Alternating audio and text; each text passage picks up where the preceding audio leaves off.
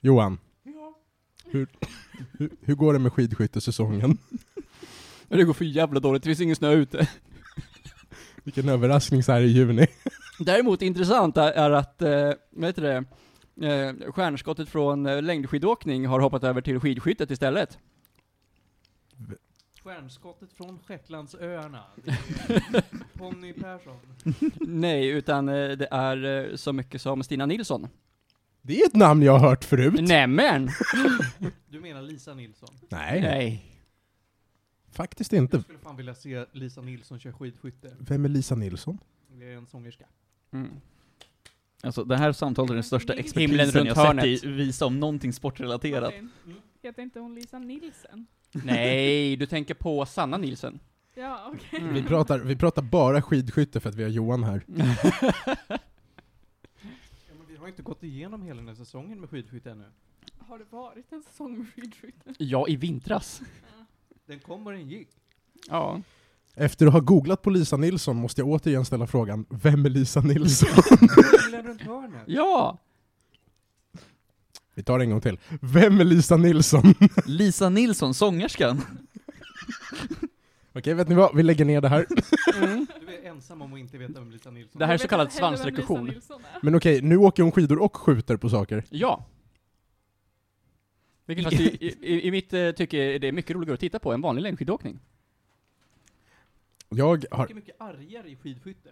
Det är de inte. Jo, för när de missar då så svär de. Ja, det gör de om de ramlar också. Ja, men det händer ju inte lika ofta som att man missar. Eh, Nej, det är ju svårt att missa i längdskidåkning. Du jämför fel. Du jämför helt fel.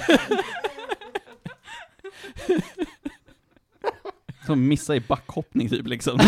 Det jag gör Åker ner folk. hela grejen var snett liksom. Om Hamnar- du, Så jävla dålig Ja, stämning då. om du missar i backhoppning kan du inte svära efteråt. Då blir Man, det man inget. kan missa i, i alpint, då svär de också. Ja, man kan ju svära i luften fortfarande liksom. Det, ingen kommer höra det liksom. Ett par sekunder. Vad är alpin? Alpint, alltså slalom, storslalom, Just det, super-G och eh, Lillslalom, mellanslalom och lilla Vickevire. existerar inte men okej. Eh, och störtlopp. Mm, det. Mm. Vad kul. Där har vi det. Ja, det är grejer det. Ja. Det var försnacket. Mm. Och där kommer introt.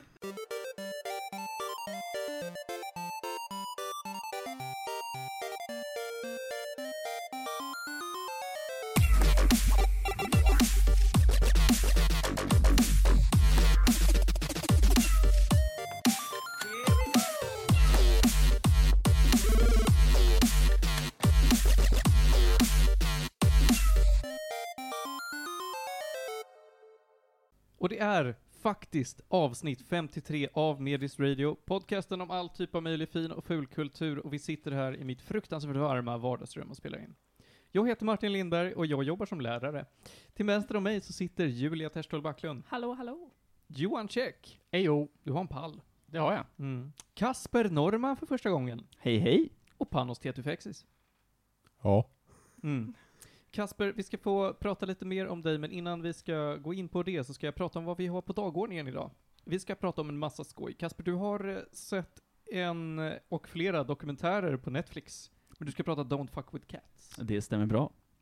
Vi ska även prata Ace Attorney Investigations som jag har spelat och Julia har tittat på då och då. Jag har också spelat nya, eller nya ska jag inte säga, det är väl tre år gammalt by now, Spider-Man till PS4. Eh, vi har Chromatica, Lady Gagas nya album som Panos och jag har lyssnat på.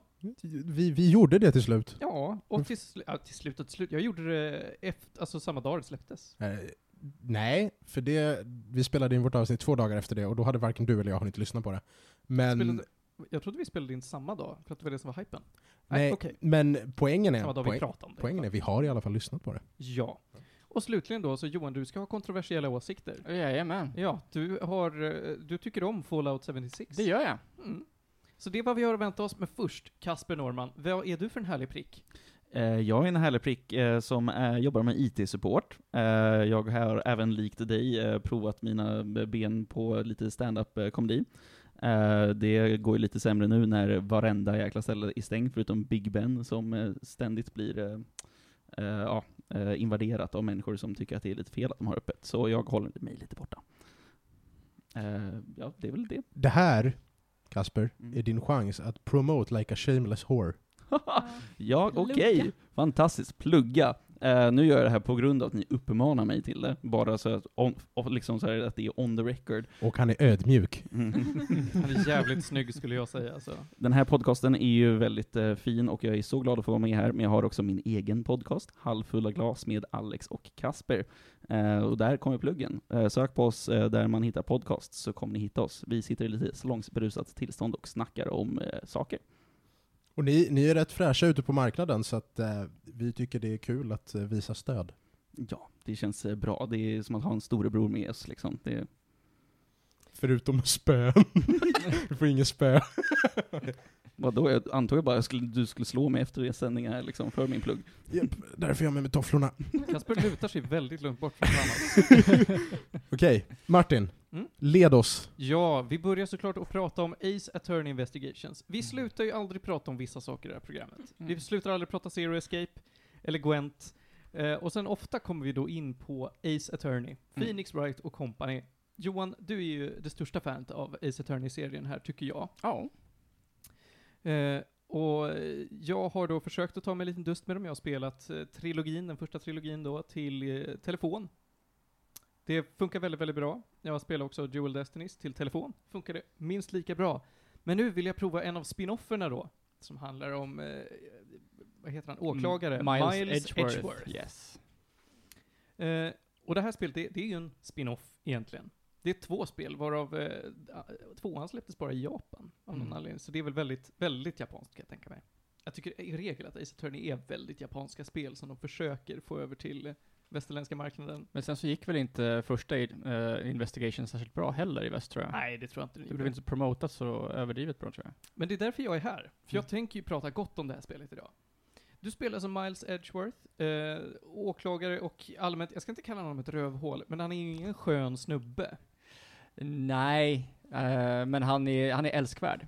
Ja men det kanske han är. Mm. Här är det på samma sätt att han är verkligen ingen skön snubbe, men man får se lite av hans mjukare sidor.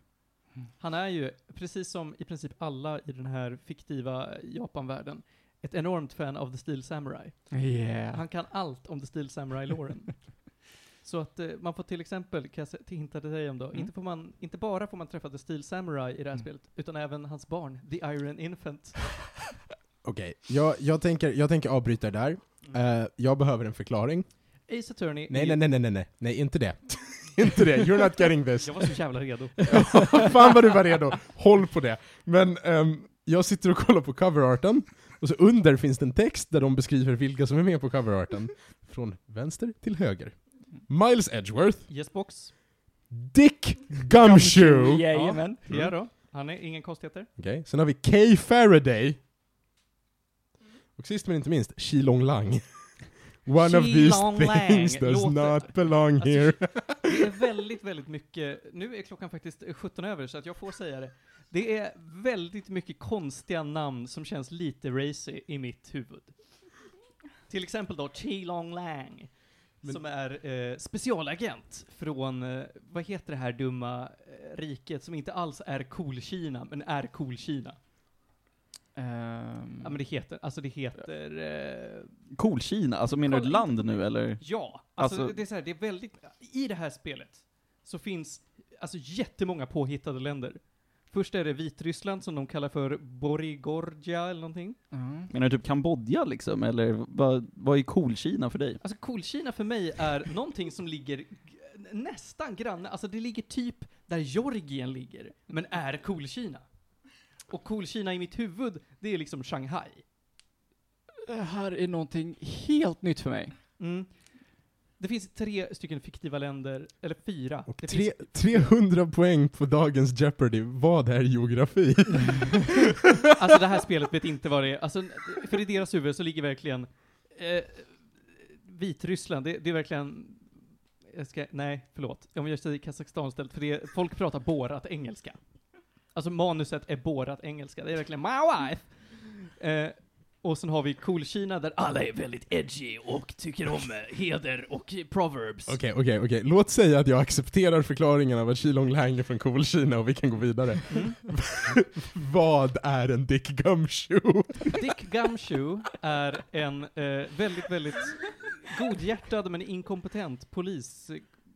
Han är, är väl, eh, var, han är ju detective. Ja, Han heter ju Dick, så han måste ju vara detektiv. Ja, ja. Ja, alltså, alltså, han, han är ju en gumshoe, alltså liksom detective. Ja, Ja. men det, det är Dick Tracy, eh, fast Phoenix Wright-ig. Så att eh, han, är, han är, har två IQ, äter bara snabbnudlar, har fem dollar i, ti- i, i eh, månadslön. Och den blir sänkt konstant. Den blir sänkt, sänkt konstant, Mm. så att eh, han håller på och bävar för den dagen då han inte kan köpa snabbnudlar för hela sin lön. Eh, men där har du din förklaring på vem, vad en Dick Gumshoe är. Kay Faraday kan jag inte prata om vem hon är för det spoilar hela spelet. Ah. Det finns fem episoder, precis som i många andra Ace Attorney-spel. De eh, beter sig som ett fall, ofta med ett mord. Eh, Ofta säger du? ja men alla Phoenix Wright-spel har ju inte ett mord. Jo. Eller, ja, förlåt, alla Phoenix Wright-episoder har inte ett mord. Eh, Men i princip alla. Jag kan säga att alla här har det. Alla här har ett mord inblandat i sig ja, vi får ta upp sätt. det som du, det som inte... Det är ju det här med vad man definierar som self-contained episod. Därför att här, alla episoder är väldigt kopplade till varandra. Så att även om det inte sker ett mord där och då, Mm. så blir ju mord viktiga. Mm. Och så att det, det hör ju liksom inte hit när jag förklarar om spelet. Okej, ni har båda spelat där. Nej. Men jag har däremot eh, spelat Ace Attorney-serien. Okej. Mm. Är det här ett clusterfuck? För dig, ja, men det är allt som kommer från Japan. men jag tycker att det är lättare att följa med i, för att eftersom det är en spin-off som inte har, refererar allt för mycket, alltså det finns mycket Easter eggs, men inga viktiga referenser till andra spel, så är det inom sig självt inte ett clusterfuck. Det är bra och det funkar om man hänger med. Eh, det är väldigt konstigt dock att de nämner aldrig Phoenix Wright vid namn, utan pratar de bara om him. Eh, i, I typ kronologisk ordning, vart befinner sig det här spelet? Det här är en interquel, Mm. mellan eh, tr- Trials and Tribulations, alltså Phoenix Wright 3, Mm. och eh, Apollo Justice. Okej. Ja, det är ett ganska stort spann i och för sig, med Ja, tanke det är på sju år. minst, tror Minst sju år, ja. Eh, så att någonstans här emellan, det utspelar sig över någon månad. Mm. Några månader typ. Eh, men det finns ju såklart flashbacks och hej och hå. Eh, jag kan ju inte säga allt för mycket mer om storyn, mer än att det, det handlar om de här eh, massa olika länder och politik och, eh, vad heter det, ambassadörskap. Mm. Eh, otroligt välskrivet manus, absolut. Gameplayt, däremot, det är det som är intressant, för det skiljer sig lite från andra Ace Attorney-spel. Eh, du har inte regelrätta eh, alltså domstolsfall, där du står i, i liksom ett eh, åklagarbås, precis som man då gör i Phoenix Wright. Utan här är det så att du är mest ute på stan och snackar med folk. Men du har ändå förhör, du ska leta efter ledtrådar, och du eh, alltså spelar ju på samma sätt kan man säga. Eh, så att det, det känns ju som... De, de tar inte in allt för mycket nytt. Det är snarare så att de har skalat ner det. Dock någonting som är väldigt mystiskt är att du eh, rör dig inte omkring genom att gå mellan olika paneler längre, utan du kontrollerar en karaktär som går omkring i 3D-space. Det är lite intressant. Mm. Eh, faktiskt. Så att du, du, det är så dumt, det här är ju på DS, så att du håller muspekaren, eller muspekaren, eh, för jag, jag spelade på en dator. Så jag körde liksom, du pekar med pekpinnen på nedre skärmen och på den övre skärmen är det någon som rör sig. Det är lite fucky. Mm. De, de har helt enkelt lagt krut på lite annat. Ja, det har de. Och, och det, där, det där med pekpinnen låter, det låter bara som att här var det någon som bara, nu ska vi använda något som är viktigt på DS. Mm. Så och vi, det, det är precis så det är. Det här släpptes ju efter Apollo Justice, där de hade tryckt mycket på att "Ja, men vi ska göra det här spelet till mycket som använder DSens eh, features. Typ, typ eh, mikrofonen, typ då pekpinn och grejer. Och det här är på samma sätt. Använder mycket, mycket pekpinnar, ingen mikrofon. Mm. kan, vi bara, kan vi bara uppskatta att det här var ändå, det här var en tid då man vågade använda den typen av input på sina apparater utan att veta att allt blev insamlat. Ja. Mm. Mm. Mm. Du kunde gallskrika åt ditt DS och inte oroa dig för implikationerna. Men det här kom väl då också till, eh, heter det, till första DS va? Det var inte 3DS? Nej, det stämmer. Så då var det faktiskt eh, en tid då du inte var uppkopplad heller med din konsol, så det fanns Mm. liksom inte den eh, däremot, du spelade ju här, vissa av de här på, eh, på mobilen, så där kanske det var en större grej. stor men, eh, eh, Jag tror, att, jag tror att vi hade varit mer oroliga om Nintendo kom från Kina istället för Japan liksom. Ja, kanske lite ja. Jag vet inte, jag menar folk går runt med sina Xiaomi Huawei-telefoner, så att jag menar, eh. Och jag går runt med min OnePlus. Ja, jag tittar på en specifik Kasper här. Ja, jo, det här, hela den här podden spelas också in av den kinesiska underrättelsetjänsten, så Ja, eh, ja, ni vi- kommer bli stora. Vi, har använt, vi har använt en Huawei-dator för det här i ett och ett halvt år nu säkert. Mm. Så det är inte... Det, det bara är så här. Ni får skick, Ja. skicka han Pissy på oss. Han eh, som kritiserade Svenska nyheter. Just det. Mm. Ja, det får vi göra. Mm. Jag föreställer mig ibland lite romantiserat att det finns en kinesisk översatt version av den här podden där istället för dig så har de Brother Orange som gäst. Är, är det den kinesiska versionen av mig? Oklart! Jag tänker att i den kinesiska så är det liksom en, det är en klon av mig som spelar sig själv. Ja, antagligen. Någonting har de topsat som du har rört, fan är säkert. Ja ja, men det tror jag efter alla mina läkarbesök. De har säkert sparat någonting. Eh, I alla fall då, tillbaka till Ace Attorney Investigations. Eh, de har ju, precis som du säger Panos, skalat ner på en del för att förhöja det, det någonting annat. Men de har inte gjort så mycket nytt förutom eh, interfacen då. Eh, det är också ett, ett nytt system som finns, som är alltid lite quirken här, är att precis som att eh, Phoenix har en Magatama som man kan då eh, låsa upp folks eh, dolda hemligheter med, kan man väl säga. Och att Apollo kan eh, se hur folks eh, eh, kroppsspråk De har små tics, Han har kan små säga. tics och sånt där. Ja. Så har ju Miles sin egen lilla twi- eh, twist, och det är att han har sin logikhjärnbank. Oh my. Det här har- låter som familjen Utter. Det är lite som att man dansar järnbalett. Ja. Tack ja, eh, Johan, jag är nöjd. I alla fall så, det betyder att man plockar på sig saker som inte är regelrätta ledtrådar, utan mer saker som han noterar.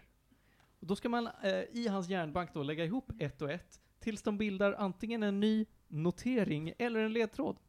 Åh, Cheruroku Horums! Nej, men det, det, det låter lite grann som en, eh, vad, ska, man säga, precursor till, eh, vad ska man säga, inte, det är inte riktigt ett system, men en grej som de faktiskt använder i Dual Destinies, där eh, du kommer till en punkt i caset där du liksom lägger ihop allting som du har kommit fram till. Är det lite så? Alltså, lite grann, men det är väldigt småskaligt och det är lite Mm. i taget. Mm. Det låter ju lite som såhär bara Sherlocks Mind Castle. Ja. Typ lite grann. Cheruroku Horums. Ja, det är väldigt mycket åt det hållet. Men som, Mm. som sagt, väldigt, lit, eh, väldigt småskaligt. Och det är lite det jag vill säga. Det är mycket fina Easter eggs. Jag rekommenderar absolut att man har spelat då eh, första trilogin och sen Apollo Justice innan det här. Metacritic har gett det här en aggregate score på 78. Det är bra. Mm. Alltså Det- det, är ett bra spel. Det är imponerande för ett D-spel till att börja med, Absolut. och sen är det bara imponerande i sig. Mm. Då är lite, vad har de gett den övriga Ace Attorney-serien? Oj, Särskilt trilogin skulle jag Ja, om vilja du veta. tar någonting från trilogin. Eh, nu ska vi se, Trials Tribulations Ja. Absolut. exempelvis har fått eh, en 81 Mm. Det är inte så här, det är inte galet mycket högre, Mm. men det är också fortfarande väldigt högt för ett D-spel. Mm. Oh ja, men det är... Det är också en älskad serie. Du får också tänka på att de här släpptes ju till Gameboy först. Alltså, att trilogin släpptes till Gameboy först. 2001 kom första ut. Ah, Okej, de är inte reviewade eller ratade till Gameboy, men jag kan också tänka mig att det här kanske, i, i liksom Gameboy-era kanske det här var ett mycket mer regionalt populärt spel. Det var det. Eh, det. Man kan ju också se det som att det här är the definitive edition. Ja. ja. Nej men den, eh, Trials and Tribulations har väl bland annat också släppts till Wii och grejer. Alltså de, de har ju liksom reiterats några Ja, gånger. de har ju kommit med en, de kom med en HD-remake, var för två, tre år sedan? Det finns till både PC och till eh, Det finns till telefoner. Switch. Och till Switch. Ja. Som är just nu på uh, Rea. rea. Mm. Om man vill slå till på Switch, i alla fall.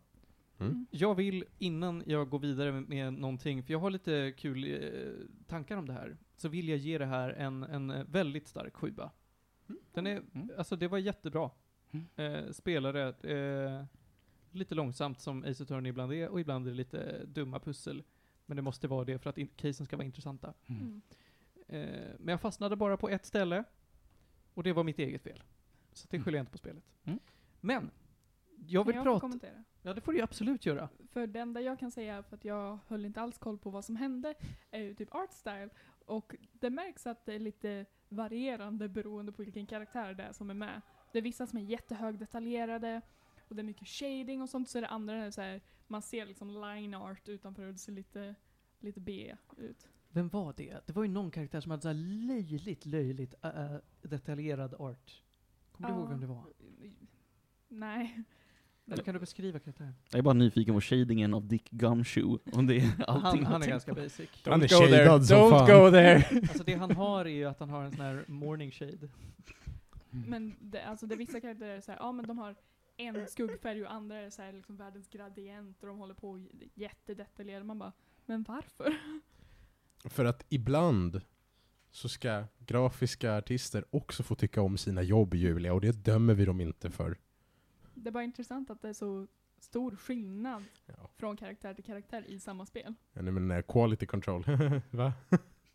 ja, nej, det är ett D-spel. Jag ska lista ut det här, vem det är, för det är någon karaktär som, är, alltså, som verkligen sticker ut för att den är så mycket vä- mer väldetaljerad än alla andra.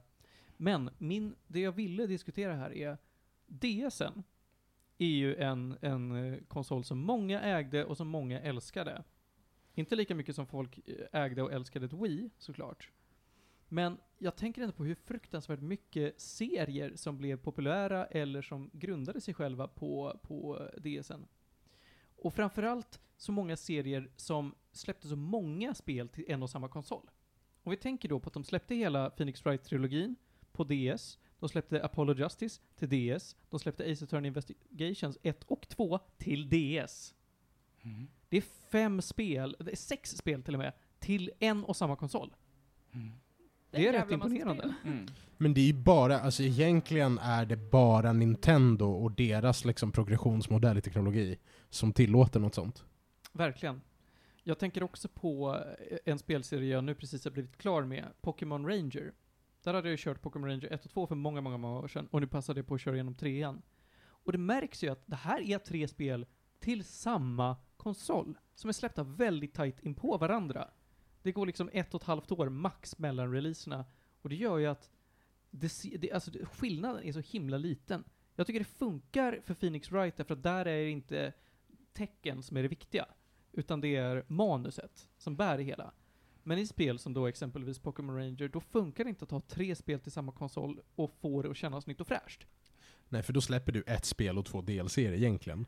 Och så betalar folk fullpris för dem, och så behöver de släppa sig igenom mycket mer content än vad de kanske är intresserade av. Och, Det- Man kan säga så. Just i Pokémon Rangers fall så tycker jag att de gör ett testförsök, eh, det missar och de fixar det till nästa spel, och sen det tredje spelet gör ingenting. För att de har redan uppnått perfection med att de har lagat det som var dåligt i ettan i tvåan. I Pokémon Ranger, det där där man är Pikachu och ska sätta ihop ett lag och gå ner i grottor och rädda Nej, grejer. det är Pokémon Mystery Dungeon. Pokémon. Ranger är att du är basically en polis som ska... eh, Alltså du, du är basically polis. Du, du har din DS-stylus som du snurrar runt Pokémon för att fånga dem. Det är supernice. Alltså jag älskar Pokémon Ranger. Men manusmässigt och, eh, vad heter det, funktionsmässigt eller så här, ja, gimmicks. Jag, jag gillar implikationerna det. av att snacka spel med Pokémon-snutar mitt i Black Lives Matter. Det är en bra tid, det är ett aktuellt spel. ja, inga kommentarer. ja, ja. Ehm, Men ja, alltså... har ni, Väldigt tyst i rummet helt plötsligt. Sju gäddor! Ja, men kan, kan ni tänka på någon annan konsol eller någon annan spelserie som är det, att det är jättemånga spel till en och samma konsol? Jag tänker på God of War, där är väl också 1, 2, 3 till samma konsol? Inte alla de- Nej, trean är väl till... Uh, Är trean till PS3? PS4 väl? Nej. Alltså ett och, t- jag vill minnas att 1, 2, 3 är till PS2. Nej, det har du Nej. helt fel i. Nej, trean kom mycket senare. God of War, God of War är, jag tror ettan släpptes som typ ett flaggskeppsspel för att visa vad PS3 kunde göra. Googla upp det här. För jag är övertygad om att Playstation 2 var där God of War var, hade sitt Awakening vet jag släpptes, eller vad det nu hette. Alan Wake? Nej, inte Alan Wake, utan God Ja. of War Ascension. Men Vet, vet du vad? Vet du vad? Du har rätt. Ja, Första God of War är från 2005. ja. Det är ett PS2-spel. Hmm. Ja, för det var ju samma era som typ Prince of Persia och de spelen liksom. Ja. Det var Ja, det. Eller? Prince of Persia var ju mycket, mycket längre gången i sin spelserie. Prince of Persia är ju hur gammalt som helst. Ja, gud ja, absolut. Men, men eh, där hade du ju Sands of Time, var ju inte allt för långt innan. Men där var det en trilogi som, eh, som kom ju just om den som du nämnde nu, Sands of Time, och så var det väl... Warrior eh, Within, och... Eh, vad heter den sista? åh, Det är kul Ja. för jag har, jag har jag har kört Sands of Time, tyckte det var dåligt. Kört Warrior Within, tyckte det var asbra. Men ingen pratar någonsin om Warrior Within. mm. Eh, vi hade så jävla dunderfel vi bara kunde Johan, ettan Mm. och tvåan var på till PS2, trean var till PS3. Trean Okej. var till PS3. Och sen har de släppt en massa roliga remasters och skit till PS3 och släppt massa Mm. extra spel och sidospel och skitspel. Och, ehm, men det, det har släppts mycket till PS3, Mm. Mm. men inte Mm. huvudspelen, bara trean. Det Men visar bara hur vi- jävla dålig koll jag har på Sony och Playstation. Ja, det är Mm. okej. Men vi kan ju säga så här då. Eh, vi har ju både Jack and Daxter, Ratchet Clank och uh, Sly Cooper till PS2. Där är det tre spel vardera. Eller inte i... Det är det i och för sig inte, för att det finns fem stycken Jack and Daxter till PS2. Eh, det finns fi, fem stycken Ratchet and Clank till PS2 också. En fråga där. Fortsatte Jack and Daxter efter PS2? Eh, det beror på hur man ser på det. De hade ju PS2, Mm. De hade eh, PSP, som sen blev portat till PS2, och sen hände ingenting. För att jag, jag spelade Jack and Daxter på PS2. Mm. Kul. Mm, det är nice. De Det har ju sk- fått en, en eh, så här remaster som alla de där har fått på PS3. Det ska komma, det ska komma mer Ratchet and Clank va? ja, Mm. de pratar om det. Det lät ju fett. Med Nu har vi- PS5? Vi har fått väldigt, väldigt mycket Ratchet and Clank ska jag säga dock. Vad är vi uppe i? Tio stycken tror jag. Och det är väldigt mycket. Är det för tidigt att hypa en eh, Resident Evil 4 Remake? Varför ska du hypa en remake? Varför inte? De har fått eh, tvåan och trean. Men har inte Resident Evil i princip remasterats en gång redan? Eh, Fyran alltså. Jo, men Ja. den har inte gjort, fått en remake. Tvåan och trean har ju fått en remake. Ja. Tycker man att Resident Evil 1-remaken från PS1 till GameCube är nog av en remake? För jag det- skulle alltså gärna se en modernare sån. Men, jag, Absolut. men det är ju ett önskemål och inte ett krav. Okej. Jag tänker använda det här ehm, som en övergång. På tal om remakes. Vi har lyssnat på Chromatica. Ah! Mm. Lady Gaga remakar sig själv. Eh, typ. Nej! Jo men, jo men typ. det, är, det är exakt samma musik som Lady Gaga alltid släppt. Det Nej. finns ingen unik låt på den här skivan. Vet du vad? Vet du vad? Jag har, jag håller med, men jag håller också inte alls med. Kör igång Nu ska jag berätta varför. Lady Gaga släpp, har inte släppt någon låt som sticker ut på den här skivan. Har ingenting att göra med att den här skivan liknar hennes tidigare musik, för det gör den inte. Den här skivan är det mest 80s som har släppts eh, den här sidan aerobikstrenden. Den är fantastiskt 80s, och det är därför man känner att det här är musik som inte sticker ut från sånt jag redan lyssnat på. Men jag tycker ändå den skiljer sig från hennes tidigare diskografi. Det, det vill jag säga. Jag vill säga att det här är, det är en ny skiva, den har ett jätte, jättebra uniformt sound. Det är, liksom, det är en skiva man kan lyssna på i sträck, och förutom några få interludes är den sammanhängande. Både i, i, i hur den låter, och i liksom the thematics, i vad hon sjunger om, och väldigt sammanhängande skiva. Eh, väldigt lättlyssnad. Alltså det, det är inget svårt att smälta. Men skulle också höra hemma i en aerobicsal. Och, och är inte, det är inte, det är inte originell musik.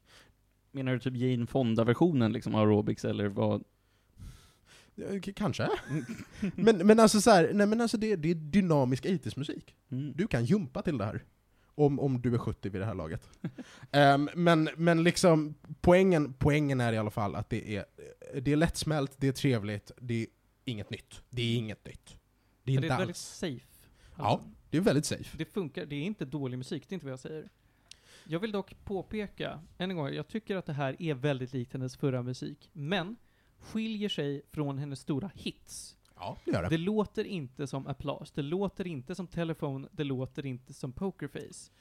Men om man går på de albumen, för det är ändå album, eh, som har, låtar som har släppts på olika album och sånt där, så tycker jag att de låtarna som är mindre kända, alla de är i klass med Chromatica. Ja, säkert. Säkert. Jag kan hålla med dig. Det är bara, det är bara så här. Det är mycket musik just nu som har throwbacks till 80s. Jättemycket musik.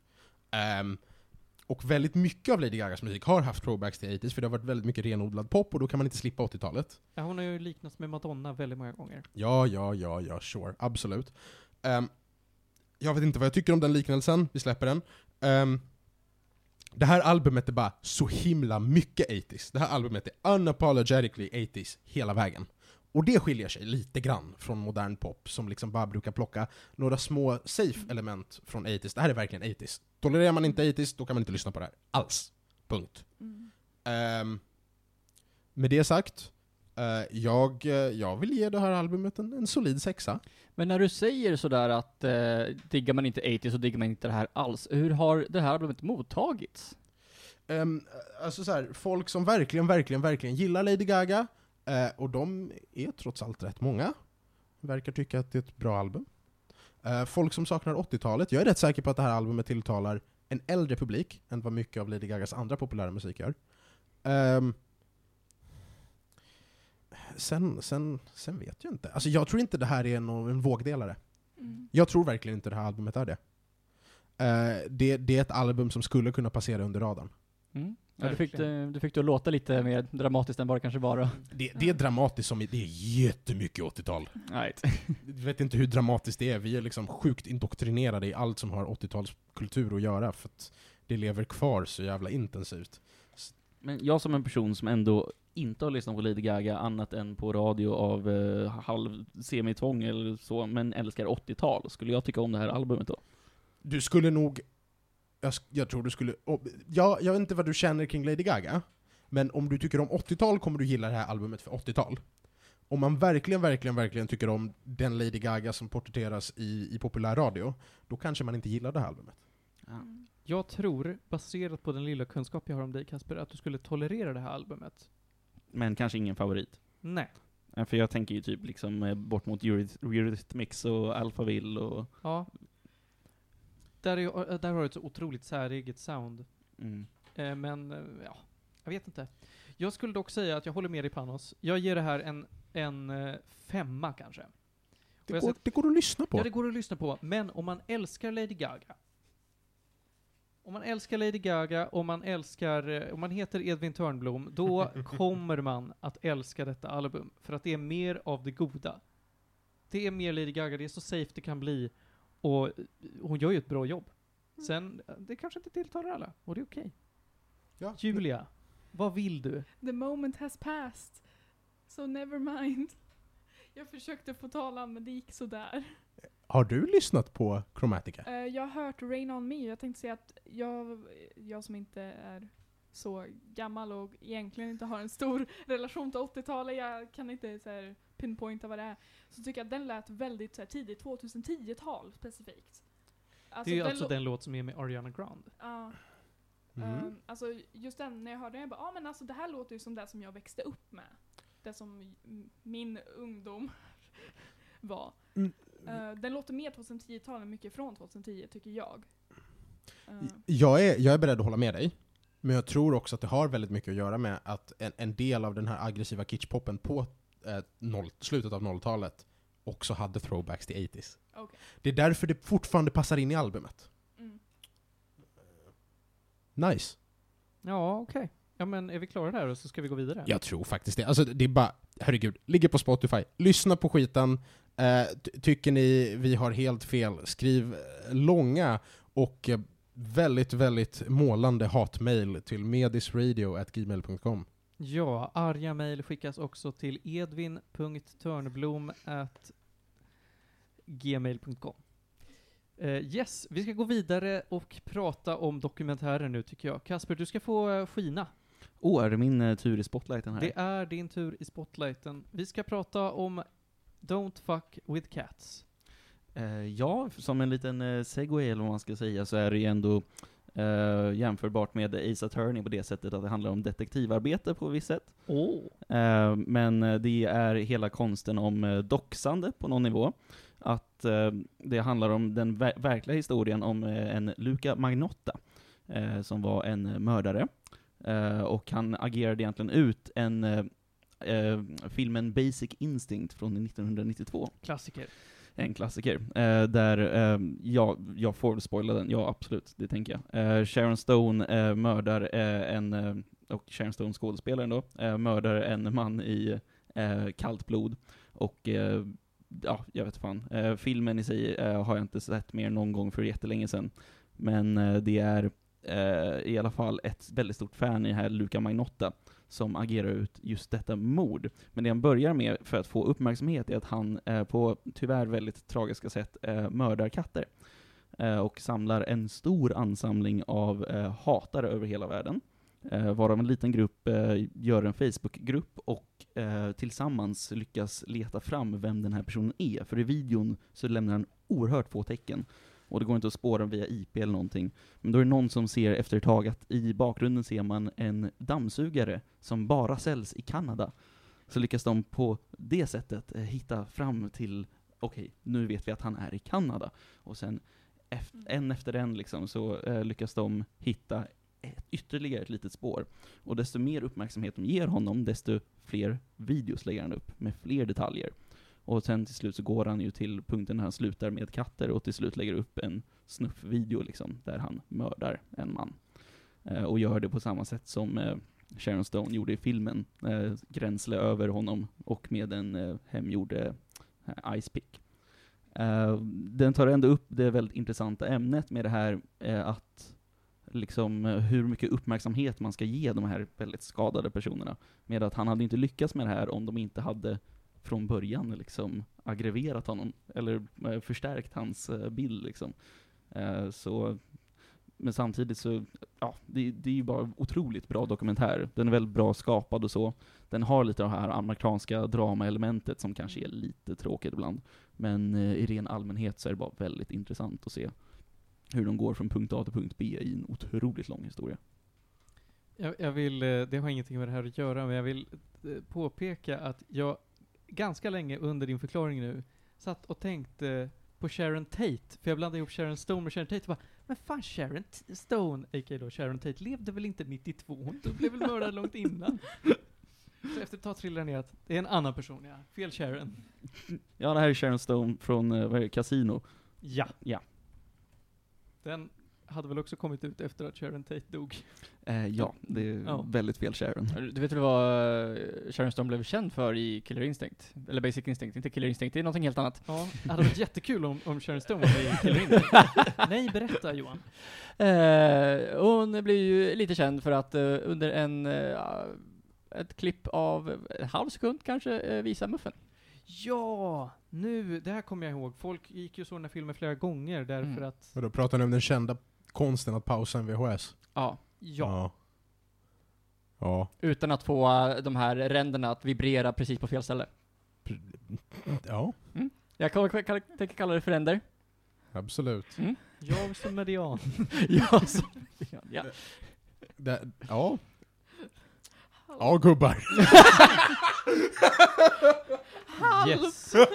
Nej, det- vill, du, vill du ge det här några gäddor Kasper? Fucking Eh, 90-talet. absolut. Eh, jag skulle ge det eh, åtta solida sådana. Åtta Oh. solida gäddor. Ja, det har lite utvecklingspotential. Eh, inte som att han borde mördat fler, men eh, som eh, dokumentären i sig eh, kunde ha gjort lite bättre med att de uppenbarligen spelat på ho- klassiska Hollywood-element, men eh, Är det en dokumentär eller en dokumentärserie? Eh, det är ju en dokumentärserie. Eh, det är kanske är den den, eh, tre avsnitt, eh, och de är en timme varje om jag kommer ihåg rätt nu.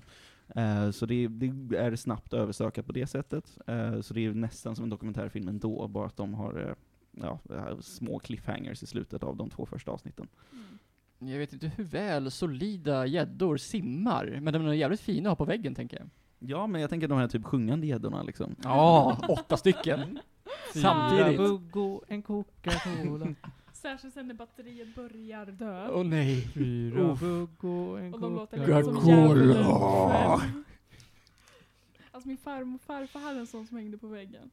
Det var hemskt varje gång de satte på den där jäveln. Ju mer jag hör om din uppväxt ute på landet, desto, alltså... det- Ja, ja nej, jag vet inte vad jag ska alltså, De säga. bodde ju också i Grums, så det är ju riktigt land också. Har inte vi snackat om det? Inte Grum, typ så här. Jo, det är ju som bög. Sveriges sämsta ort, är inte det typ det? Ja, den har varit där på. De bodde i den fina delen. Ja, okej. De hade pool. Jag ska inte döma. Så fint. Men, Men- ja. Är det här, så här, som jag har förstått det Kasper, så har du kollat en hel del på Netflix-dokumentärer. Mhm. Tycker du att den här sticker ut? Jag tycker att den här sticker ut, och det är just som, vi diskuterade ju lite innan eh, inspelningen också, att den har inte, jag känner nästan ingen som har sett den. Eh, den blev rekommenderad till mig eh, genom en Tinder-dejt. Uh, dejten gick inte bra, men jag fick ju det här från det i alla fall, så jag är glad över det. Något positivt. Ja, precis. Något finns det att hitta på Tinder. Ja men exakt. Cats. Ja, jag fick gå hem och ta på mig själv, men jag kunde i alla fall kolla på en bra dokumentär efter. Ja, eh, helst inte samtidigt som du kollar på dokumentären om, om kattdråp och snuff. Men absolut hörru du, whatever rocks your goat. Jag trodde, jag trodde man inte dömde i den här podden. Det skulle vara öppet för alla liksom. Ja, det är öppet, men jag förespråkar kanske inte kattsnuff, men jag förespråkar att ta på sig själv. Bra, det kan jag också stå bakom. Ja, det är hälsosamt. Man ska göra det några gånger i veckan. Läkarstudent Panos, du som faktiskt vet siffrorna. Jag har inga jävla uttalanden att dela med mig av kring det här. Nej, men jag då som eh, glad Median. hobby, hobby ta på sig självare, säger några gånger i veckan, det ska man ha. Jag tycker det är väldigt suspekt att Panos inte vill uttala sig på ämnet. Det känns som att han gömmer någonting. Brukar Han självkärlek. att han tar sig på sig Jag, själv. jag gömmer hemligheten till att pausa VHSen. Ja, du gömmer en kopia av Basic Instinct i dina brallor. ja. Jani, eh, har man åsikter, hur ofta tar du på dig själv? Skriv till panos at medisradio.se. Jag behöver fan en egen e-mail på vår domän. Ja, du behöver ett alias. Ja. Eh, jag hoppas ju att eh, våra nya fans, eh, jag ska faktiskt ta och plugga det nu innan vi går vidare. Jag har ju börjat streama mig själv på Twitch när jag spelar diverse spel. Ja, nu fortsätter horeriet här. Jag, trodde, jag, jag var så säker på att det där skulle sluta när jag... Mm, mm, mm, Nej, Sharon. jag tar på mig själv och tänker på Sharon Tate. och hennes snaffade kropp. Hallå! Nej, jag har, eh, jag, eh, jag tar avstånd från mitt tidigare uttalande. och säger det att, vad fan, jo, ja, jag börjar streama på Twitch, ja, det var något helt annat. Eh, där kan man följa mig om man är intresserad, och vi har ju också fått några nya lyssnare till, på Midis Radio från den. Så att jag kan väl passa på att ge en shout-out till Chip. Chipmaster, vad kul att du lyssnar på oss. Eh, vill ni som lyssnar, oavsett vem ni är, säga någonting kul, så skriv jättegärna till oss på Facebook eller till medisradio.gmail.com. Vi hänger också, med jämna mellanrum hänger ju olika delar av casten eh, i din eh, Twitch. Stream, så att, så att vill man få tag på oss och hata i realtid Då hittar man mig på användarnamnet Goldklimpstein. Finns det en eh, historia bakom det eller? Ja, den tar vi efter sändning. Handlar den också om onani och Sharon Tate eller? Vet du vad? Vet du vad? Det här kommer bli olämpligare så jag kapar diskussionen där. Ja, det tycker jag att vi gör. Och så går vi vidare till att prata om något helt annat. Spiderman, det har du... På tal om att ta på sig själv. Ehm, På tal om kladdiga saker i händerna, eller vadå? ja, det är med. Ehm, shooting webs. Ehm, Q och när ni. nej men så här. Ludvig var ju med här för några avsnitt sen Ja. och pratade om Spiderman. Ja, Eh, nu har du också fått ta på Spiderman. det har jag. Jag har till och med 100% Shit, att behöver Spiderman till PS4. Johan tar och andas genom fönstret.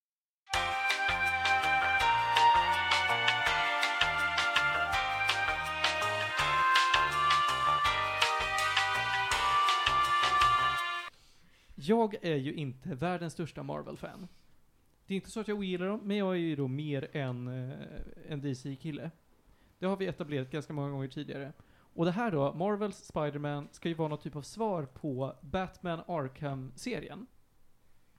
Men då med Spindelman istället, så att det är egentligen lite, eh, vad ska man säga, lite gladare stämning, lite snabbare spel för spindelmannen. Han är ju väldigt kvick och vig av sig, inte bara i käften utan också sina rörelser. Eh, och sen blir helt, helt annan liksom cast eftersom att vi då eh, befinner oss i New York City och det är Marvel-karaktärer istället. Jag kan säga att det här är verkligen ett, alltså ett eh, Batman Arkham-spel med Spindelmannen. That's what it is. Det skiljer sig otroligt lite. Vad som är skönt med det är att det framförallt då går mycket snabbare att navigera sig omkring. Det är mycket mindre av pussel och mycket mer av action, snabb action. Och det tilltalar ju kanske vissa. Men annars så är det på samma sätt, det är så mycket kärlek till Marvel-universumet som stort. Det är liksom eh, allting som har med eh, saker som kan hända i New York med, med eh, folk som hänger där, a.k.a. Avengers, och alla eh, hjältar och skurkar som är där till. Eh, Avengers är ju tyvärr på något, eh, någon konferens någonstans, så att de är inte med. Men vi ser, eh, det kan jag spoila, vi ser både Peter Parker som Spindelmannen och Miles Morales som eh, andra Spindelmannen, känd från eh, eh, Ultimate Spider-Man? Nej, det är det inte alls, utan han heter något annat. Hjälp mig nu. Universe någonting, någonting. Ja. Uh, inte The Spider-Verse är, är filmen, men jag tänker på tidningen som handlar om Eh. Miles Morales. Är inte det Ultimate fast det är en reboot av Ultimate? Det kan vara det. För det är inte Ultimate Spider-Man Gwen Stacy, Nej. bara. Jo. Ultimate Ultimate- har varit Peter Parker. Bland Jo, annat. men jag menar att Gwen, alltså Gwen Stacy är eh, hans tjej och inte Mary Jane. Jaha. För Amazing Spider-Man, det är Mary Jane. Ultimate Spider-Man, det är Gwen Stacy. Oklart. Och det är heller inte viktigt. Eh, men det, du följer Peter Parker som en, en eh, förhållandevis erfaren Spindelman. Han har varit med i gamet ett tag. Han ska stoppa Mr. Wilson Fisk, a.k.a. Kingpin. Eh, och det går jättebra. Det är liksom tutorial missionet är besegrade Kingpin. Och då säger The Kingpin när han är besegrad att ni kommer sakna mig. För det här kommer gå åt helvete. Och så går det åt helvete. Och så ska Spindelmannen då eh, lösa det här på olika sätt samtidigt som man balanserar rollen med att vara Peter Parker. Det är en helt OK story. Helt OK. Den får, den får liksom en stor tumme upp av mig. Man jobbar för eh, Otto Octavius, vilket är väldigt spännande. För man vet ju att det är ju Dr. Octopus. Jag gillar arcs där man jobbar med Doc Ock. Mhm. Jag ogillar verkligen Wilson Fisk som, fi som, som fiende. Jag köper det. Jag gillar verkligen inte Kingpin. Nej. Eh, jag jag eh, tolererar skiten i Daredevil och, och eh, Punisher. Och jag gillar den inte alls i Spider-Man. Jag tycker det är tråkigt att det är det de valde. Det gör mig sorgsen. I det här specifika eller generellt hat- hatar du på Kingpin? Nej, jag, jag eh, hela den karaktären är bara inte intressant för mig. Det, det är någonting som inte klickar. Men jag tror att det är, alltså den typen av karaktär finns i serietidningar för att det ska finnas någonting som inte är övernaturliga hot hela tiden. Jag kan dra en parallell till någonting jag känner till då och bättre koll på är ju att i Batman-universumet och DC-universumet så finns det ju både superskurkar med superkrafter och så finns det de här maffiasyndikaten som alla håller på att tävla mot varandra i Gotham. Och de är ju i förhållande till liksom att höra coola saker om Mr. Freeze eller Jokern, kan vi bara nämna Lex grejer. Luthor som en smal Kingpin? det kan vi absolut göra. Tack. Det kan vi absolut göra. Vi kan lämna Lex Luthor som en smal kingpin. Och han är också lite tråkig ibland, tycker jag. Mm. Men det tilltar ju en annan publik. Det tilltalar kanske några av de äldre skaran som växte upp med liksom noir crime-serier. Då det mer är mysterium, det är, det är skumma deals i skumma gränder och sånt där. Och så har de tryckt in det i, i liksom Marvel-universumet och DC-universumet. Och det är nog bara du Panos som, som det, det får stå för dig att du inte gillar det, för det görs på ett bra sätt. Men jag håller ju med dig med att jag ty tycker att det är tråkigt. Jag tycker inte heller om Wilson Fisk. Han är, han är rätt trist. Men han fyller en funktion för många. Jag är lite nyfiken på det här också med, ehm, för jag, så, gick in på webbhallen bara häromdagen och såg att de hade gjort en Thor-version också av alltså så Batman, Arkham Asylum-grejen. Och det är väl mer att eh, när det kommer sådana här kloner, liksom, vad, vad är det som gör Spider-Man bättre än liksom... Jag tycker inte att det är bättre. Men, Mm. men det som skulle kunna vara bättre är ju då att det är kvickare, det tilltalar ju Marvel-fansen. Mm. Och det är mer open world än vad Arkham Asylum är. Ja, men inte jämfört med typ Arkham Knight eller Arkham City. Plus att på grund av tidigare spel, och med fokus på filmspelen till den gamla eh, Sam Raimi-trilogin, så är folk, folk är väldigt kåta på liksom Spiderman, webbslinging och kvick humor. Och det Så- funkar bra. Ja men det funkar! Och då är det väl jättebra, så här, alla gillade Arkham Asylum, då tillämpar vi lite fighting från det, och så får folk slinga runt i nät, och så kommer människor ändå vara nöjda. Behöver inte vara bättre än så för att tjäna stålarna. Precis. Och på samma sätt som att det finns massa Riddler Trophies i Arkham-serien som man kan samla på för att få coola Easter egg, så kan du här samla på diverse duvor, ryggsäckar, eh, research stations, eh, alltså typ side quests som är Åk genom ringar, eller nudda inte marken. Åh, Superman 64. Det Mm. är lite Superman 64 ibland. Eh, det är mest dåligt. Finns ett segment, det kan jag ta i detalj hur mycket jag ogillar det. Eh, du ska följa efter en kamera, alltså en, en drönare. Den kommer då och då att släppa ifrån sig stationära drönare som du måste åka tillräckligt nära eller då slinga dig tillräckligt nära för att eh, ha sönder. Det är ju basically då att slänga dig genom nät. Men istället för att du är Superman eller typ Spyro som flyger så är det istället att du konstant måste tänka på att du svingar dig som med lianer och du vet ju inte alltid hur din svängark blir. Mm. Så att du får ju chansa på att, ja men börjar jag slänga mig här, då kanske jag svingar ner så att jag träffar den här kameran eller ringen. Och hitboxen är förfärlig, eller? Nej, den är okej. Mm. Det är väl mest att man inte vet orsak och verkan. Alltså du vet Mm. inte vad din input faktiskt kommer medföra. Så här, om, någon, om någon kan fullständigt förstöra operativsystemet på ett Playstation och ge mig en version där man spelar Spyro som spyr nät i New York, då kommer jag betala bra pengar för det. Men- Ja, var det inte Insomniac Games som utvecklade det här? det är Jo. det. Ja. Så det är ju nämligen samma nissar, det är full circle. Så det är ju Oh. Ratchet and Clank, eh, ja. Ja, det är ju Spyro. Spyro! Ja, men det är Spyro, det är Ratchet and Clank och det är Spindelmannen. Och nu går vi tillbaka till Ratchet and Clank, vilket gör att vi till slut kommer gå tillbaka till Spyro. Wow! Ja, så att du kommer ha då Wow man! Spindelmannen som rider på Spyro samtidigt som Spyro då får en, en, eh, en sån här ryggsäck i form av Clank. Oh my Så god. ännu en mer. ny Spiderman kommer ju komma. Det kommer det säkert. Det, de har väl annonsat det och det är i Ja. in the works. Så att, eh, jag vet inte vad de ska göra för nytt. Jag antar att de bara hittar på någon ny fet story. För som sagt, manuset är rätt bra.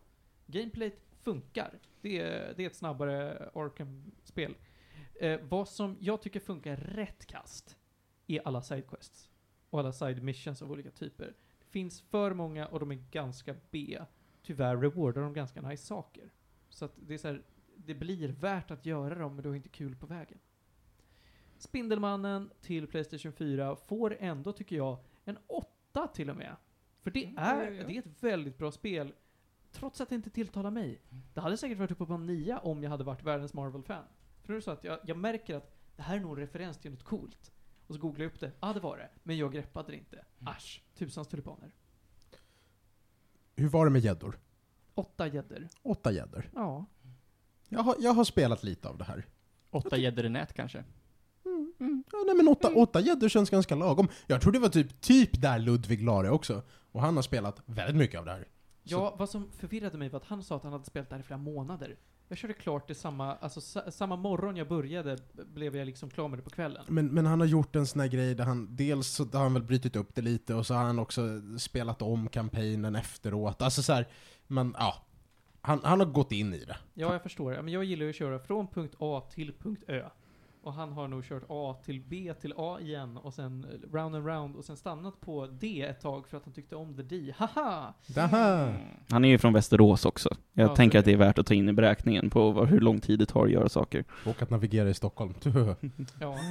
Vad tror ni tar Mm. längst tid? Ludvig att spela klart Spindelmannen till PS4, för han är inte klar. Eller för Fronda att släppa ett nytt album? Vi vill inte att Fronda släpper ett nytt album så jag hoppas på B. Mm. Ja, tack. Tack för den Martin. Inga problem. Det är kul att vara här. Ska vi hoppa till Johan nu? Jag, Oh my God. jag vill ha en hot take på Fallout eh, På Fallout 76? Ja. Absolut. Eh, the Hot Mess som är Fallout 76 som har haft världens bästa, mm, um, kanske inte, eh, release. Eh, Jag bara skojar! ja men ungefär så. Hade du en kommentar på Hannes? Vet du vad? Mm. Den säger sig själv, fortsätt. Ungefär så. Eh, nej men, eh, jag kom ju in egentligen i Fallout egentligen från första början genom min eh, kära flickvän, som har varit världens största Fallout-fan. Och som egentligen fick mig att ja, men börja spela Fallout, eh, och tycka att ja, men Fallout är faktiskt rätt nice. För jag hade kört, eh, jag hade köpt trean från början, kom ut ur Valtet, kände att shit, det finns alldeles för mycket att göra, jag, jag grejer inte det här. Eh, och efterhand har jag liksom lirat, tycker det här är fett nice. Eh, och eh, hon har ju lirat det här sen, eh, sen betan, egentligen. Eh, jag började lira det här ett par eh, veckor innan eh, den här jättestora eh, DLCn Wastelanders. eh, dök upp. Fast du pillade väl på det runt release, gjorde du inte det? Eller Eh, kanske var i samband med din flickvän? Exakt. Ah. Jag testade lite grann i, i betan sådär, och det kändes ju, ja men där som att, ja, men det, det finns lite kinks and quirks. Eh, och sen så när jag väl spelade med henne innan den här stora patchen, eller DLCn, så märktes det också att men det, det, det är mycket som verkligen är un, unpolished, det är ändå ett år in i, in i releasen liksom. Men, eh, så jag kan inte uttrycka mig eh, fullt och totalt liksom hur eh, stor eh, uppgradering det är eh, från ja, men, första till Wastelanders, men jäklar vad jag ändå kände en stor eh, uppgradering. Eh, dels quality of life, men också stabilitet och hela faderullan. Fallout 76, för de som inte vet och har lyckats undvika det här, är alltså Fallout i, eh, Fallout MMO, kan man säga. Eh, där Fallout då utspelar sig i ett postapokalyptiskt, eh, en postapokalyptisk värld, eh, där eh, jag tror det Kina har eh, droppat eh, atombomber i, i USA. Och där ett företag som heter, kallas för Valtech har byggt en massa, ja men underjordiska Bunkrar. Ja, där de också gör experiment. Varje bunker har ett separat experiment. Eh, men Vault 76 då, som man eh, börjar i, har gått ut på att det är de som ska starta den nya världen efter att, eh, eh, ja men, eh, världen har gått under och liksom för att bygga upp den igen. Så liksom the best and the brightest of toxic hackers and stuff. Men eh, ja, det räknar nog inte de med. Eh, och eh, jag tycker det funkar faktiskt nice. Eh, särskilt efter Wastelanders DLCn. Därför att den eh, har då för, fört med sig då att det faktiskt finns riktiga mänskliga NPCs, vilket inte har funnits nu i ett år. Och det är egentligen en av de största gripesen som folk har haft med just Fallout 76. Att det inte liksom finns, eh, det finns in- interaktioner med vissa robotar, men det är liksom inga mänskliga NPCs. Jag har också frågan, är det verkligen massive det här? Alltså multiplayer-delen av det, hur, Mm. stor, hur mycket folk är det på servrarna? Eh, det det eh, skiljer sig, men det är ändå en hel del. Jag vet inte hur många det är på en full server. Eh, men nu när det var ett event nyligen som hette Fasnacht, där du har liksom ett nytt liksom event varje timme, där man liksom får ganska nice drops. En del kosmetiska, men också en hel del ja, men legendary weapons. Eh, så brukar det liksom ändå vara, ja men kanske i snitt, eh, ja men åtta pers per, per server då. Och då är det ändå inte, ursäkta, alla som, eh, som deltar då varje Mm. timme. Men det är också för att vissa har grindat så pass länge att de inte känner att de behöver ha dropsen och liksom sådana där saker. Men det är, ändå, det är ändå en väldigt aktiv community. Det är väldigt sällan som jag upplevde att ja, men det är ingen som spelar. Men åtta pers i en värld så stor som Fallout-världarna, Mm. och då tänker jag främst på då eh, trean och framåt. Mm. Det låter i min värld lite lite, alltså det låter som att det skulle vara ganska svårt att träffa på någon. Eh, det är det. Och jag tror också att det är eh, med flit att inte liksom ha för många. Eh, Därför att eh, du har liksom viss eh, PVP, vissa PVP-element eh, som vi kan ta upp lite mer sen. Eh, men det, det är ju också så att det, det är också typ, du har ju liksom solokampanjen som du liksom går runt och liksom, ja men, gör. Eh, men sen så har du också en massa public events där liksom, ja men, alla tar sig till för att liksom göra tillsammans. Eh, och det är väl egentligen där som ja, men, MMO, eh, kommer in på riktigt. Eh, därför att det här är egentligen mitt enda, eh, jag ska inte säga online-spel, för jag spelar ju ändå en hel del men, multiplayer liksom. Men jag har aldrig spelat WoW, jag har aldrig spelat, eh, ja men, Conan, liksom, all, inget sånt där sen tidigare. Får jag trycka lite på det? Mm. Berätta om PVPn. Jag ska berätta om PVPn. Eh, Den är, eh, den är lite, an, ja, jag, ska jag förklara den? Eh, Så att du skjuter på någon, den måste skjuta tillbaka och då får ni slåss. Eh, ja, i, i det stora hela. Mm. Därför att eh, du kan också aktivera något som heter pacifist som gör att du inte av misstag råkar skjuta någon och initiera PVP. Eh, men det börjar med att ja, men, någon skjuter på dig som inte har pacifist enable då, eh, och tar pyttelite skada. Eh, men du måste precis då skjuta tillbaka för att eh, initiera PVPn. eh, och man liksom skjuter och dödar varandra. Uh, om jag känner så att nej men jag, jag vill inte liksom engagera mig i PVP så kan den andra personen fortfarande liksom igen tekniskt sett, ja men bara fortsätta nöta ner mig tills jag dör. Uh, egentligen så torskar jag ingenting på att dö, mer än den uh, junk som jag har på mig. Och junk är, vad ska man säga, semi-värt beroende på vad jag, vad jag bär med mig. Det finns i, i ganska få saker ändå som är så pass rare eh, att det är ja, men, jobbigt att förlora. Eh, så det finns, känns inte som att det är någon riktig ja, men, drawback på så vis. Men eh, det är också, det hände mig bara en, har bara hänt mig en gång, nej okej, två gånger. Eh, en gång när jag då spelade hos eh, tjejen så blev jag dödad ganska, eh, ganska fort ändå, för det var några som jag tror ville kommunicera med mig, men jag bara nej, jag orkar inte, och sen så stakar de mig och dödar mig. Eh, en annan grej som var jag och tjejen på en eh, workshop, Eh, hon AFK lite grann för att hon pysslade med någonting, så jag typ stod bara och, och chillade, så kom det en snubbe bara, kolla på henne, kolla på mig, och sen så bara tog ner oss typ sådär fort. Antagligen med ett hackat vapen har jag kommit ut för med att det är vanligare än vad man tror. Så det är lite trist. Men det är eh, otroligt sällan som det faktiskt händer i alla fall. Mm. Så det är, eh, det uppskattas. Men det är den, ett väldigt bra PVP-system. För Mm. jag vet, jag som har spelat typ Final Fantasy 14 och BDO har alltid hatat delen av PVP när det är, någon kan bara ha dö på en och typ snipa en i princip. Mm. Även om man inte vill och det finns inte så många sätt man kan skydda sig mot det. det är så här, Mm. ja, man får ha någon stark vän som kan kämpa för dig typ. Mm. Om man inte vill ingå i PVP. Lyckligtvis har ju många stora MMO löst det. I, om vi tar till exempel Star Wars The Old Republic, World of Warcraft och Guild Wars 2. Då har de lite liknande system som här. Att Mm. du måste enabla PVP ordentligt. Mm. Och så finns det olika fördelar och nackdelar med det liksom. men är PVP en rent reaktionell, eller är det liksom en ranking som i till exempel då World of Warcraft? Eh, nej. Okej, Ja, eh, då, nej, då, nej, då, nej, nej, alltså, det här var inte nej. en ja nej-fråga. Så det finns inget egentligt syfte med, än att du, eh, med PVP, eh, förutom då att du får loota någons junk. Ja. Fucka med folk som Eve. Ja, Ja. fast där finns det ju jättemycket syfte med PVP. Fucka med folk. Och, och få hela dess imperium. Ja, okej, ja. Eve, hörni, det kanske man skulle peta på någon gång. ja, EVE är ju fantastiskt universum alltså. Jag har aldrig kört det själv, men jag hade en kompis som körde det och försökte förklara för mig. Och jag kände att antingen så lär jag mig en hel kurs i industriell ekonomi, eller så lär jag mig om EVE online. Mm. Den industriella ekonomin är mycket enklare kan jag säga. Det är en är kult väldigt- alltså. Jag Ja. försökte ta mig in i Eve, det gick sådär. Mm. Jag fick godkänt i eh, industriell ekonomi. Jag tror inte jag kommer få godkänt i EVE. Nej men det finns liksom inte så mycket background i PVP, och jag tror att det är därför det inte är så många som eh, engagerar sig i det, förutom typ griefers och hackers. Jag, jag skulle säga det att även, även om det inte låter så himla illa så blir man, man kan bli av med sitt inventory. Så att Eh, det, det, sitt junk, ja, är rättare sagt, eftersom du blir inte av med din armor, du blir inte av med dina, eh, dina rifles. jag förstår det, men det låter ändå lite rough.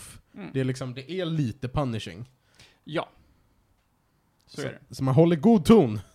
Ja men alltså, det- men det är också det som är nice med Fallout-communityn, alltså det, den är i stort jävligt trevlig. Det är väldigt mycket liksom folk som bara random, ja, men droppar Mm. nice saker. Vet, Men- du, vet du vad, vet du Mm. vad Johan? Baserat på vad folk skrev om det här spelet under Mm. första året efter att det kom ut, Mm. hade jag inte anat att det här var en trevlig community. Nej, Men jag det- håller nog mm. med på Alms där alltså. De Men- som fortfarande är mm. kvar, de är kanske snälla. Rätta mig om jag har fel. Eh, alltså, jag tror snarare att det är så här att folk är liksom så passionerade över liksom Fallout som genre, eller, som spelserie, eh, att liksom allt hat är egentligen bara mot Bethesda, men inte mot den interna communityn. Alla älskar liksom serien, alla älskar liksom spe, alltså alla som spelar, eh, och vill liksom att det ska gå bra för alla andra, men eh, Uh, men vill också egentligen att spelet liksom ska, att det ska gå bra. De vill liksom att ja, men det ska bli bra. Det är därför också de voicear allt men dåligt med spel och därför att det har fått så mycket flames. Mm. Det är ändå intressant, eh, bara för att knyta ihop allting, att Mm. eh, Fallout 76, som eh, Panos visade mig, blev eh, sparkade försäljningar av Spyro Reignited. Ja. Mm. Oh ja. Jag är inte jätteförvånad heller i och för sig. De har, alltså, de har haft jättemycket att ta igen. Däremot, kollar man på Steam så har den ändå fått decent eh, betyg. Med tanke på att den började på en Metacritic rating på 54 så Mm. är väl det eh, skönt att det löste sig vid någon punkt. Ja, därför att det släpptes ju till Steam då i samband med Wastelanders DLCn. Mm. Så den fick ju liksom en eh, ny start på så vis. Men jag gillar fortfarande inte att, att titta på spel i form av deras Metacritic score, därför att GTA 3 har fortfarande en av de högsta i världen. Ja. Ja. Ja, Men det är också, det är ungefär samma sak som IMDB, IMDB-effekten med att eh, Alltså Gudfadern har så otroligt högt betyg, men det är ju, sidan kom ju ut efter filmen liksom, och då blev det att alla bara gick in och gav den 10 liksom. ja, det är sant. Fast Gudform är så jävla bra då. Absolut. Men, Men jag förstår din poäng, Mm. och den är helt valid. Nej, jag, jag vet inte. Jag tänker bara, jag tänker bara så här. Många företag idag släpper halvklara produkter. Mm. De absolut flesta företag vet att de kommer undan med att släppa en halvklar produkt, ta klagomålen ett halvår och sen gå vidare till nästa produkt.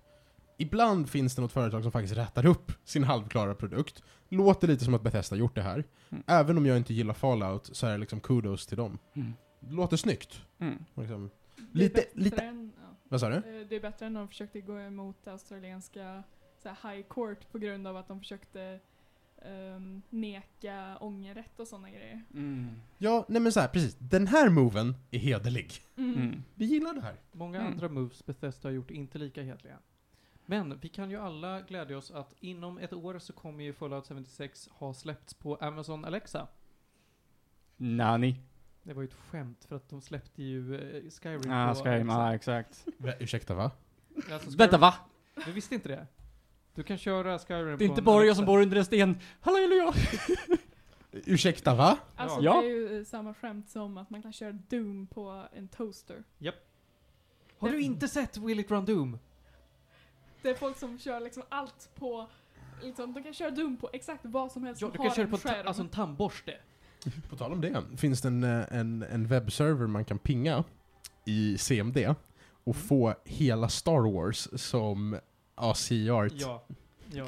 Jag har sett det. Det är, jätte, det är jättekul. Wow. Darth Vader är en liten mupp. Var inte det du? Jag vill minnas att det var, nej det var kanske Panos då, men det känns som någonting som du skulle ha visat mig Johan. Alltså det, meta typ. det gör det. Det känns som, att, som en grej jag borde haft koll på, men det Det är nytt för mig. Okej, jag tar ett ställningstagande. Vi behöver inte mer Skyrim. Vi behövde inte mer Skyrim för typ åtta versioner sedan av Skyrim. Vi... Kan de bara sluta? Nej, för då, alltså folk är fortfarande hypade på Elder Scrolls 6. Ja, men det är inte Skyrim. Nej men alltså jag är inte ens hypad på Elder Scrolls 6. Kan vi bara få, så här, om det är nästa Elder Scrolls som krävs för att sluta upp med Skyrim, då önskar jag oss nästa Elder Scrolls. Men jag önskar oss egentligen inte mer Elder Scrolls. jag tyckte Morrowind var bra nog och sen så efter det, jag vet inte. Kan, kan vi ändå, jag, jag vill bara, jag ska ragea lite över det här. Elder Scrolls online är just nu världens största MMO. Det är jättekonstigt. Och har varit det solidly ett bra tag. Men jag vet inte vad de har uppdaterat sen release, för jag minns att på release då var det B. Nej, alltså jag eh, hängde med i sen beta-weekend. Mhm. Vi snackar 10 dagar innan release. Spelet betedde sig som medeltidig alfa. Det var ospelbart. Oj. Ja, det, alltså, men de det, måste ju ha fixat det by now. ja, men hur går man därifrån till världens största MMO? Final Fantasy 14. Ja, f- f- Fast de har inte, de har inte hela Japan och Kina bakom sig. Sant. Och Korea, förlåt. Mm. Eh, det, det är någonting här som, som eh, de har lyckats med. Och det, det är någonting får vi gå och beta i. Men vi hinner inte riktigt idag. Mm. Eh, dock så, fan var det, det var innan Pans började tjabbla om Elder Scrolls Online så tappade jag någon tråd här. Jo, just det. Eh, du pratade om att Morrowind var bra. Morrowind är bra på samma sätt som att GTA 3 är ett av världens högst rankade spel på Metacritic. Wow. Det var bra då, men fan vad det inte är bra nu alltså. Nej, alltså det är inte som att jag skulle börja spela det nu, men eh, det är, typ Oblivion var lite, lite sämre när det, när det släpptes och sen eh, kom Skyrim, jag bara nej. nej. Jag lyckades ju missa hela den här serien. Så att, alltså jag fick ju reda på Skyrim när det blev den här grejen med att allting kommer ut överallt. Eller typ jag hade en kompis som spelade typ i gymnasiet eller någonting. Ehm, så jag kan inte relatera till det alls. Ja, Jag du är bara- nog bara lite för ung. Ja, Ja, den kom ju ut när jag var tio. Nej, Elder Scrolls har funnits sedan Ja. 10 år innan dig. Ja, men jag menar Alltså Skyrim. Elder Scrolls är äldre än Skyrim vad kom vi ut är. 2011. Inte Johan då. Ja, ja men så är det. Så är det. Du är, eh, du är äldre än Elder Scrolls. Eh, ja. Ja, men jag är inte äldre än Elder Scrolls. Mm. Julia är betydligt yngre än Elder Scrolls. Mm. Mm. Men ja, eh, Oblivion höll jag på att säga att det kom ut strax efter att du föddes, men det ska jag inte säga. Jag kommer inte ihåg när Bleven kom ut, om det var 2006 eller 2006 ja. någonting. Ja, Mm. precis. Är det här ett nytt åldersmått liksom? Ja, att det är bli jämförd med Elder Scrolls? Alltså det finns jättemånga åldersmått vi har i den här podden. Så här, hur, må- hur många Elder Scrolls ryms i en Johan? Jo, väldigt många. Eh, Johan är the elder that scrolls. Jag tänker att vi går vidare nu till eh, veckans tre snabba. Och vi har en stark en alltså. Spelmässigt så rekommenderar vi en gigant. Det är ju bättre än GTA 3. Det är GT Babys First GTA 3. The Simpsons Hit and Run. Ja! Så fantastiskt alltså. Det I är don't know this game. Det är ett jättebra spel till Playstation 2. Där du då får spela som familjen Simpson, Apu och någon mer är det. Det är ett fantastiskt Skitsamma. spel. Det är, alltså det är alltså ba- basically uh, Babys First GTA. Okej. Du Jag springer gillar runt... inte Simpsons. Så. Nej, men det kan säga att du, kan, du kan nog gilla det här spelet ändå tror jag. Det här spelet är kul på samma sätt som Simpsons The Movie var kul. Man behöver inte titta på 25 säsonger av Simpsons för att njuta av det. Precis. Men jag kan ju inte njuta av ett avsnitt av Simpsons. Det behöver du typ inte heller göra. Alltså, jag, jag vill ändå säga att en del är ju mycket Simpsons inside-skämt. Jag vet inte om man, jag, jag kan inte stå bakom att man kan njuta av det om man inte tycker om Simpsons aktivt. sure, men många av Simpsons inside-skämt är ändå väldigt, alltså det är ju bred samhällskritik. Jag tycker inte det är svårabsorberat material. Men jag förstår vad du säger. Sen, sen var jag ungen som hade kollat på 25 säsonger Simpsons när det här kom ut, så att jag, jag kanske inte ska ta det, det ställningstagandet. Det är i alla fall, och än idag, ett fantastiskt väldigt kul spel. Där du springer runt som familjen Simpson i, i Springfield och ställer till trubbel. Och hjälper folk med deras problem på de allra mest dumma sätt. Du behöver eh, frakta en eh, raketbil från punkt A till punkt B. Lycka till när raketbilen styr som stryk. Men det blir kul. Du ska eh, le- leverera öl till eh, hela världens befolkning i form av eh, byggnadsarbetare eller någonting. Det blir wack. Allting i det här spelet är wack, det är skoj, det är ganska avskaligt, det är väldigt förlåtande. Men det är mysigt. Ja, det här är ett mysigt spel. Det är ett väldigt mysigt spel. Och det finns jättemycket coola grejer man kan låsa upp i form av nya bilar, coola kostymer och sånt där skoj. Jag är nöjd med det här spelet. It's good. It's good. Eh, jag tänker att eh, vi går vidare och veckans ljud blir ju då Himlen runt hörnet av Lisa Nilsson. Fantastiskt bra låt. Eh, jag vet en viss Panos som skulle älska den här låten. Slash G-Quit. Nej, men vill man faktiskt lyssna på någonting eh, otroligt mysigt så rekommenderar jag eh, proggbandet Boston. Det är lite Mm. progg-rock-pop. Som är More than a feeling, eller? Ja, precis det Mm. bandet. De har eh, jävligt nice sound. Det, det är inte lika proggigt som det jag brukar prata om, utan det här är mycket mer syntigt och poppigt. Det är nice. Ja, men det är lite typ Pink Floyd meets Journey liksom. Ja, men lite så faktiskt. Det, det var en väldigt bra beskrivning. I like it. Eh, och då, slutligen så vill jag att de som eh, inte har gjort det än ska titta på Netflix-serien F is for family. Jag har pratat om den tidigare, men idag har säsong 4 kommit ut och jag är så snorigt taggad att det inte är sant. Det är ju som bekant då eh, Bill Burr i huvudrollen. Som en familjefar på 70-80-talet i någon typ av eh, förortsmiljö där, där allting är lite ledset. Och han försöker bara handskas med sitt liv som familjefar. Det är väldigt, väldigt bra skrivet. Är, är det här animerat av samma människor som gör eh, Bob's Burger? Kanske. Jag vågar inte säga någonting om det. Det ser ut som det i alla fall.